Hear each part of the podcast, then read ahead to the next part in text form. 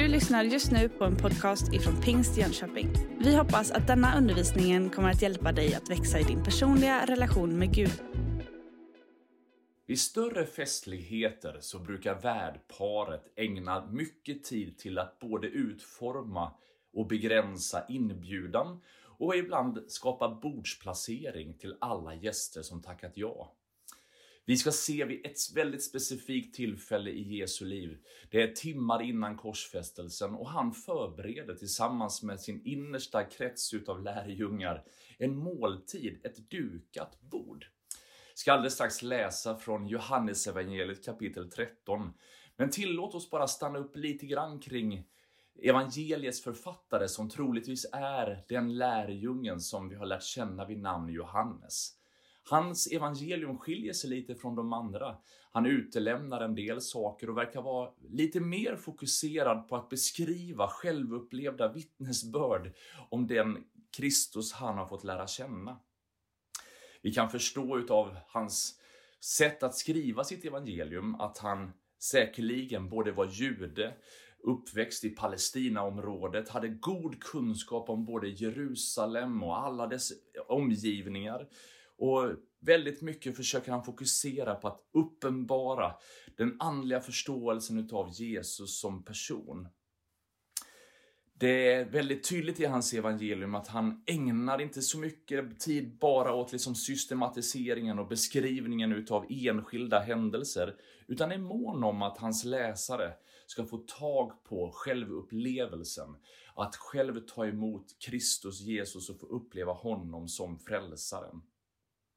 Men om vi ska läsa ifrån Johannesevangeliet kapitel 13 så möter texten oss med de här orden.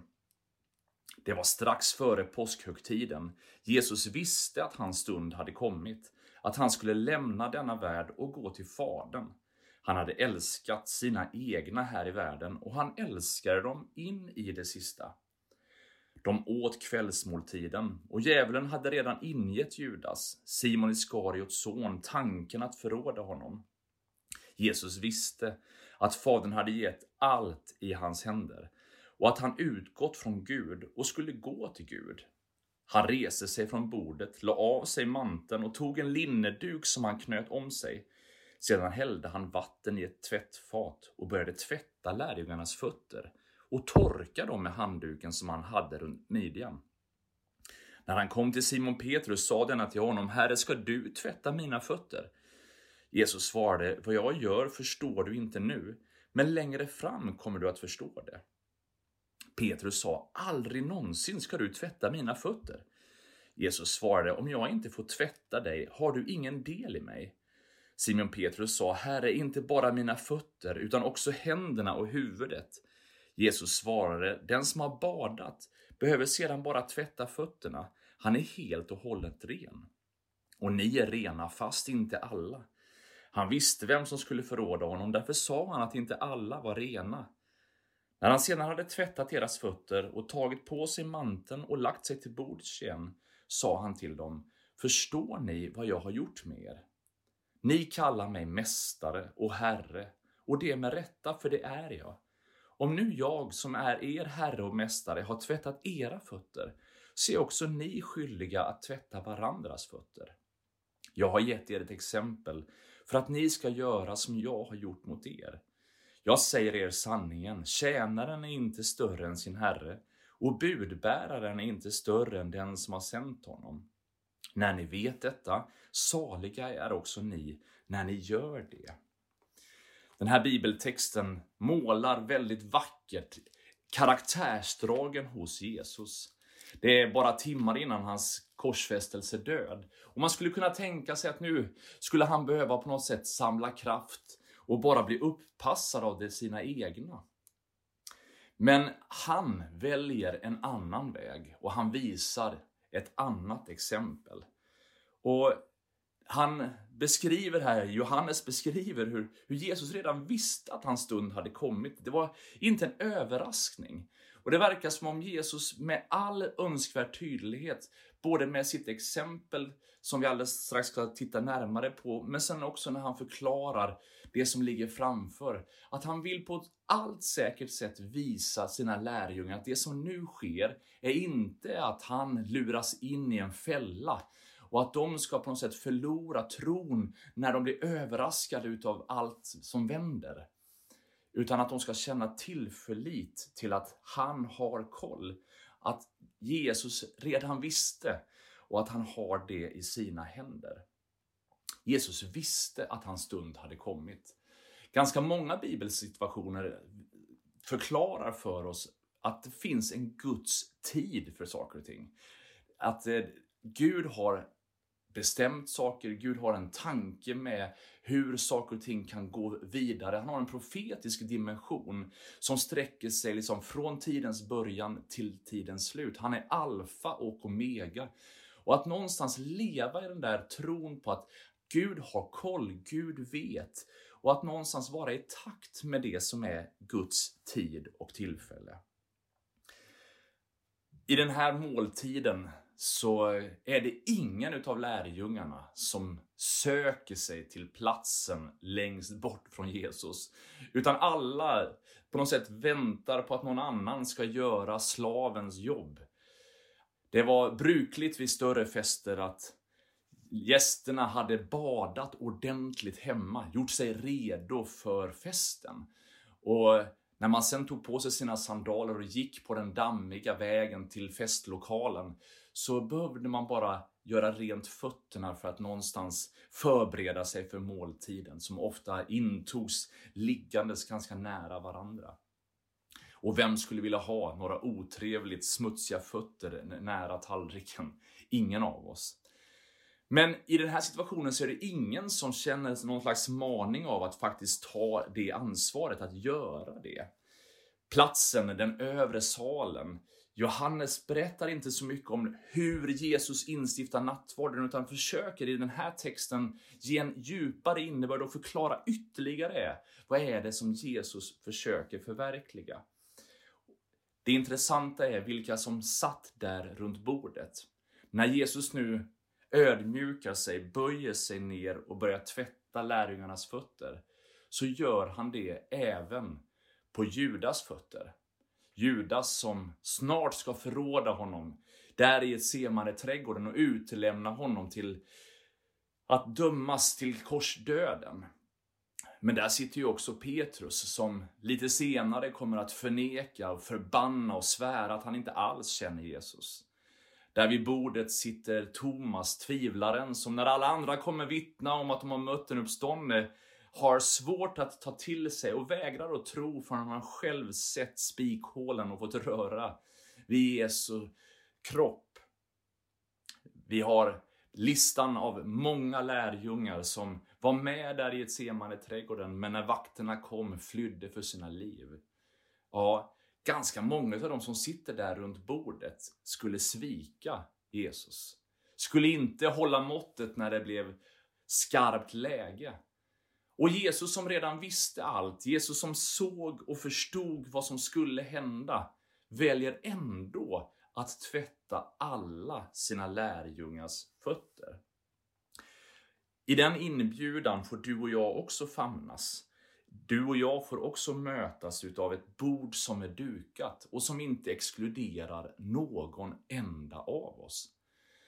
I Johannes evangeliets början så säger Jesus till Nikodemus, när han förklarar om att bli född på nytt, så säger han också de klassiska orden att ty så älskade Gud hela världen. Han gav sin enfödde son för varenda människa, så att var och en som tror på honom inte ska gå under utan ha evigt liv. Vi kan förstå att Jesus, han är mån om att varje människa ska komma till insikt om sanningen, lära känna honom och att han skulle kunna få bli varje människas frälsare. Men han tvättar allas fötter. Han vill vara allas.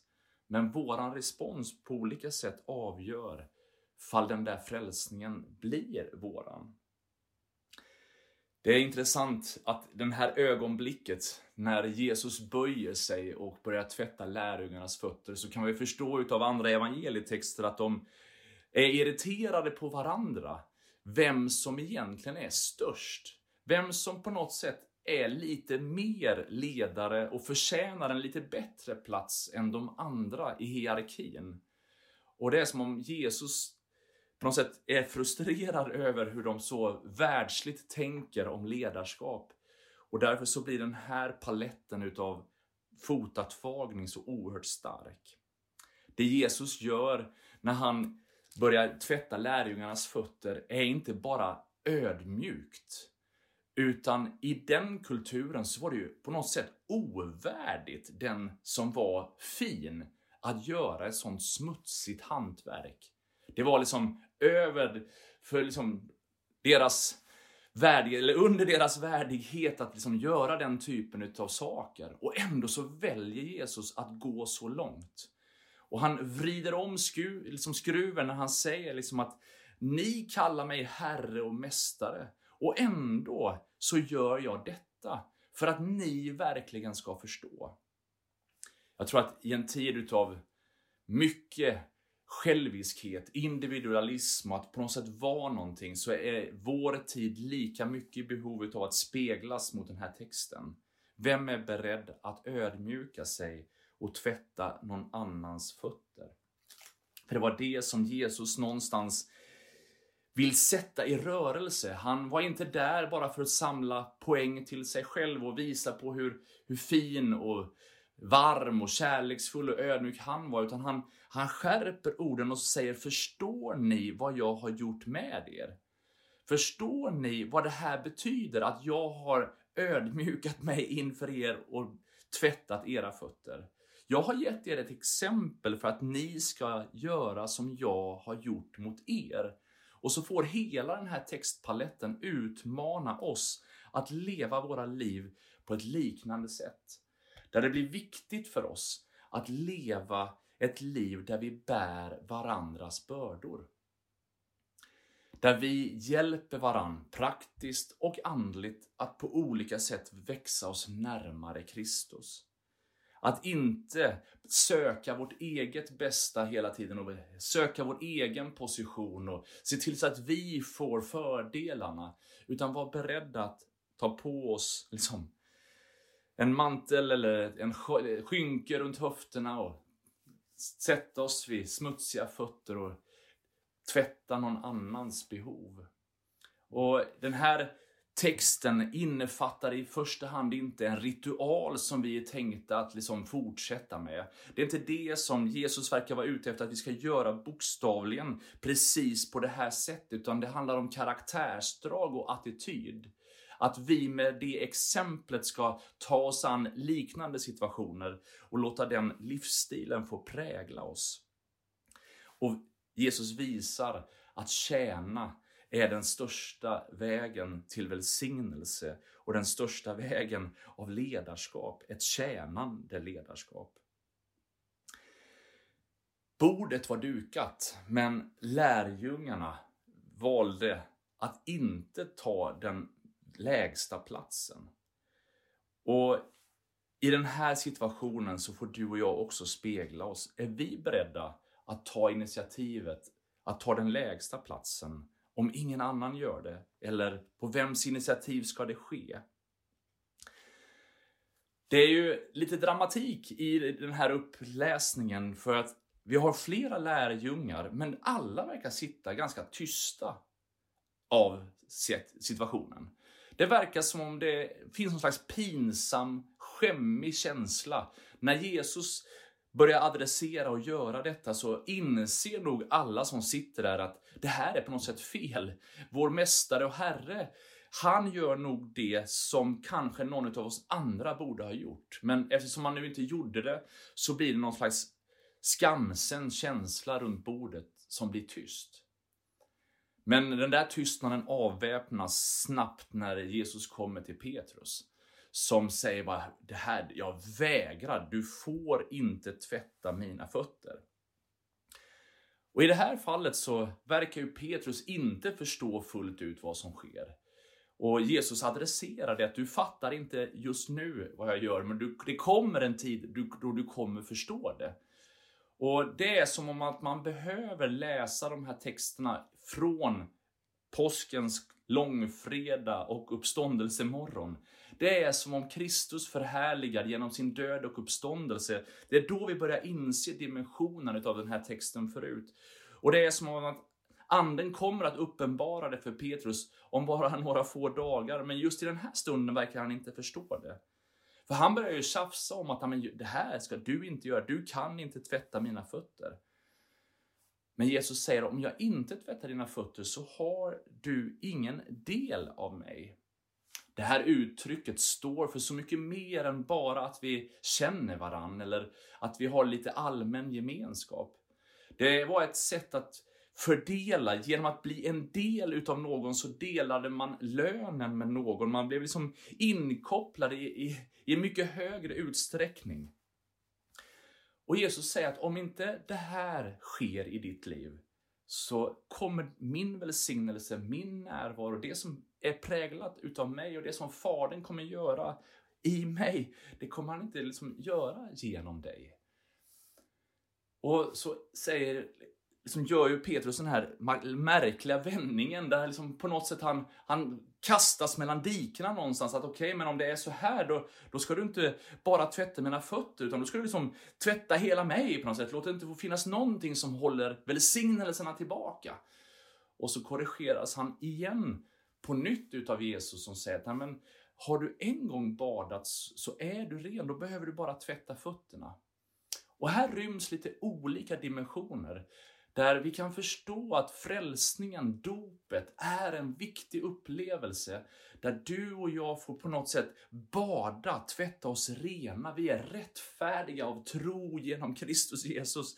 När vi bekänner vår som tro till honom och tar emot Jesus i våra liv. När vi med vår mun bekänner, med vårt hjärta tror att Jesus är Herren. Och när vi låter oss döpa oss så får vi bara låta begrava det gamla och ta emot Kristuslivet. Och när det händer i våra liv så blir vi rättfärdiggjorda i Kristus. Och har vi en gång som tagit emot det där så ska ingenting kunna rycka oss från hans hand. Varken död eller liv, änglar eller furstar, varken något som nu är eller något som ska komma. Ingenting ska kunna skilja oss och rycka oss från hans kärlek. Vi kan få vara trygga och förvissade om att vi tillhör honom, att vi är hans barn. Samtidigt så säger Jesus i den här texten att även om du har badat en gång så behöver du komma tillbaka till platsen av att tvätta dina fötter. Den liksom regelbundna helgelsen, livets vandring där vi går på dammiga vägar gör att vi är i behovet av att tvätta våra fötter regelbundet. Att bekänna synder, frestelser, prövningar, det som är tufft, när vi kommer till korta. Att någonstans bara erkänna inför oss själva, inför Gud, Herre, rena mig. Låt mig få ta del av din renande kraft. Och i den här paletten så målar Jesus upp betydelsen utav att leva ett dagligt liv tillsammans med honom. Att inte bara ha en monumental upplevelse i historien då du kom till tro, utan leva i din frälsning, leva i ditt dop och leva i den här renings och helgelseprocessen av att bli allt mer lika Kristus. Och när vi håller fast vid detta, när vi lever i detta så kan vi få vandra på den här stigen utav Herrens välsignelser. Bli en del utav det som är honom och vara trygga i den han är. Jag tror att det är en viktig text att ha med oss in i skärtorsdagen. Att inte bara fokusera där på själva instiftelseorden när han instiftar nattvarden, utan också se situationen runt omkring ödmjukheten och att alla där fick del utav måltiden. I den här settingen så börjar sen Jesus tala och förklara för oss vad han tänker kring nattvarden. Och så säger han i Lukas evangeliet så här. När stunden var inne la han sig till bords och apostlarna tillsammans med honom. Och han sa till dem, jag har längtat mycket efter att äta den här påskmåltiden med er, innan mitt lidande börjar. För jag säger er att jag inte kommer att äta det förrän det får sin fullbordan i Guds rike. Och han tog en bägare, tackade Gud och sa Ta detta och dela mellan er, för jag säger er, från denna stund ska jag inte dricka av vinstockens frukt förrän Guds rike kommer. Och han tog ett bröd, tackade Gud, bröt det och gav åt dem och sa, detta är min kropp som blir utgjuten för er. Gör detta för att minnas mig. På samma sätt tog han bägaren efter måltiden och sa, denna bägare är det nya förbundet genom mitt blod som blir utgjutet för er. När han hade ödmjukat sig, visat alla ödmjukhetens exempel, så i den där måltidsgemenskapen som sen fortsätter, så förklarar han och instifta den här nattvardsmåltiden där vi för alltid ska levandegöra, hålla högt och minnas väl vad han har gjort för oss. Att få fira nattvard är inte bara en situation då vi minns det historiska faktum om att Jesus dog och uppstod. Utan vi får på ett sätt också förklaras, liksom påminnas om kraften i den frälsningen i våra liv idag. När vi tar del av brödet så säger vi tack Jesus för att du offrade din kropp för min skull. Tack Jesus för att ditt blod rann för att jag skulle få uppleva syndernas förlåtelse. Och hela den här måltiden kan få bli en stor tacksägelsemåltid över att jag som inte har allt som krävs ändå fick och får en plats vid hans bord. Med min brustenhet, med min synd, med, med, med mina brister så får jag ändå vara med och jag får sitta där vid Jesu fötter och ta emot utav hans nåd. Men det är också där vid brödet som bryts, en påminnelse om att brödet faktiskt står för någonting mer. Kristi kropp är inte bara att jag är en del utav Kristus, utan det är också en gemenskapsmåltid där jag får påminna mig om att jag tillhör Kristi kropp, församlingen. Och i samband med att vi firar nattvard och vi läser de här texterna och gör den här måltiden tillsammans så får vi också tacka Gud för att vi inte är ensamma i vår vandring, utan vi får göra det med flera bröder och systrar. Och i det också påminnas om den här situationen utav att vi är tjänare, varandra till tjänst. Vi bär varandras bördor.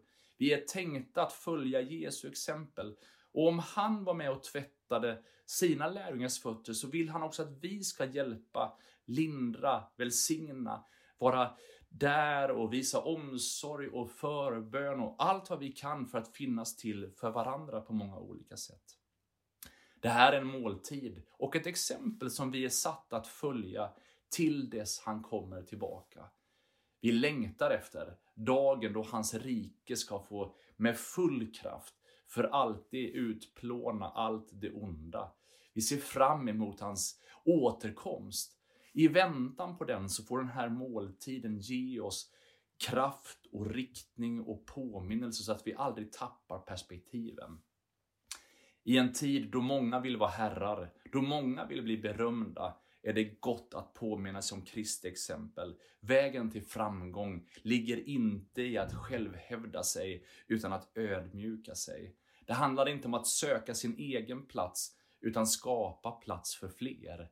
Det där bordet vid Jesu närvaro. Ett bord som är dukat för varenda människa. Man som kvinna, fattig eller rik. Gud gör inte skillnad på någon och hans kärlek går hela vägen. Därför skulle jag vilja utmana dig som lyssnar på den här podden att tacka Jesus den här påsken lite extra för att det finns ett bord som är dukat där du också har en plats. Tacka Gud för att den platsen finns där för dig. Men fundera också på ifall Gud skulle kunna få leda dig, använda dig för att också inbjuda fler, visa fler människor runt omkring dig att det finns en plats vid samma bord även för dem. Jesus har gått i förväg, förberett rum, skapat plats. Han har gett sitt liv för oss. Och nu är det dags för oss att respondera och ta del av det han är. Ska vi bara be en bön av välsignelse för den här dagen och det som du och jag står i. Herre, jag tackar dig för förmånen att få fira påsk, påminnas om din död, din uppståndelse och det exempel du har gett oss.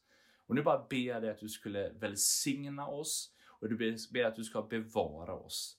Jag ber att du skulle låta ditt ansikte lysa över oss och vara oss nådig. Herre, vänd ditt ansikte till oss och ge oss av din frid. I Faderns, Sonens och den helige Andes namn. Amen. Du har just lyssnat på en podcast ifrån Pingst Jönköping.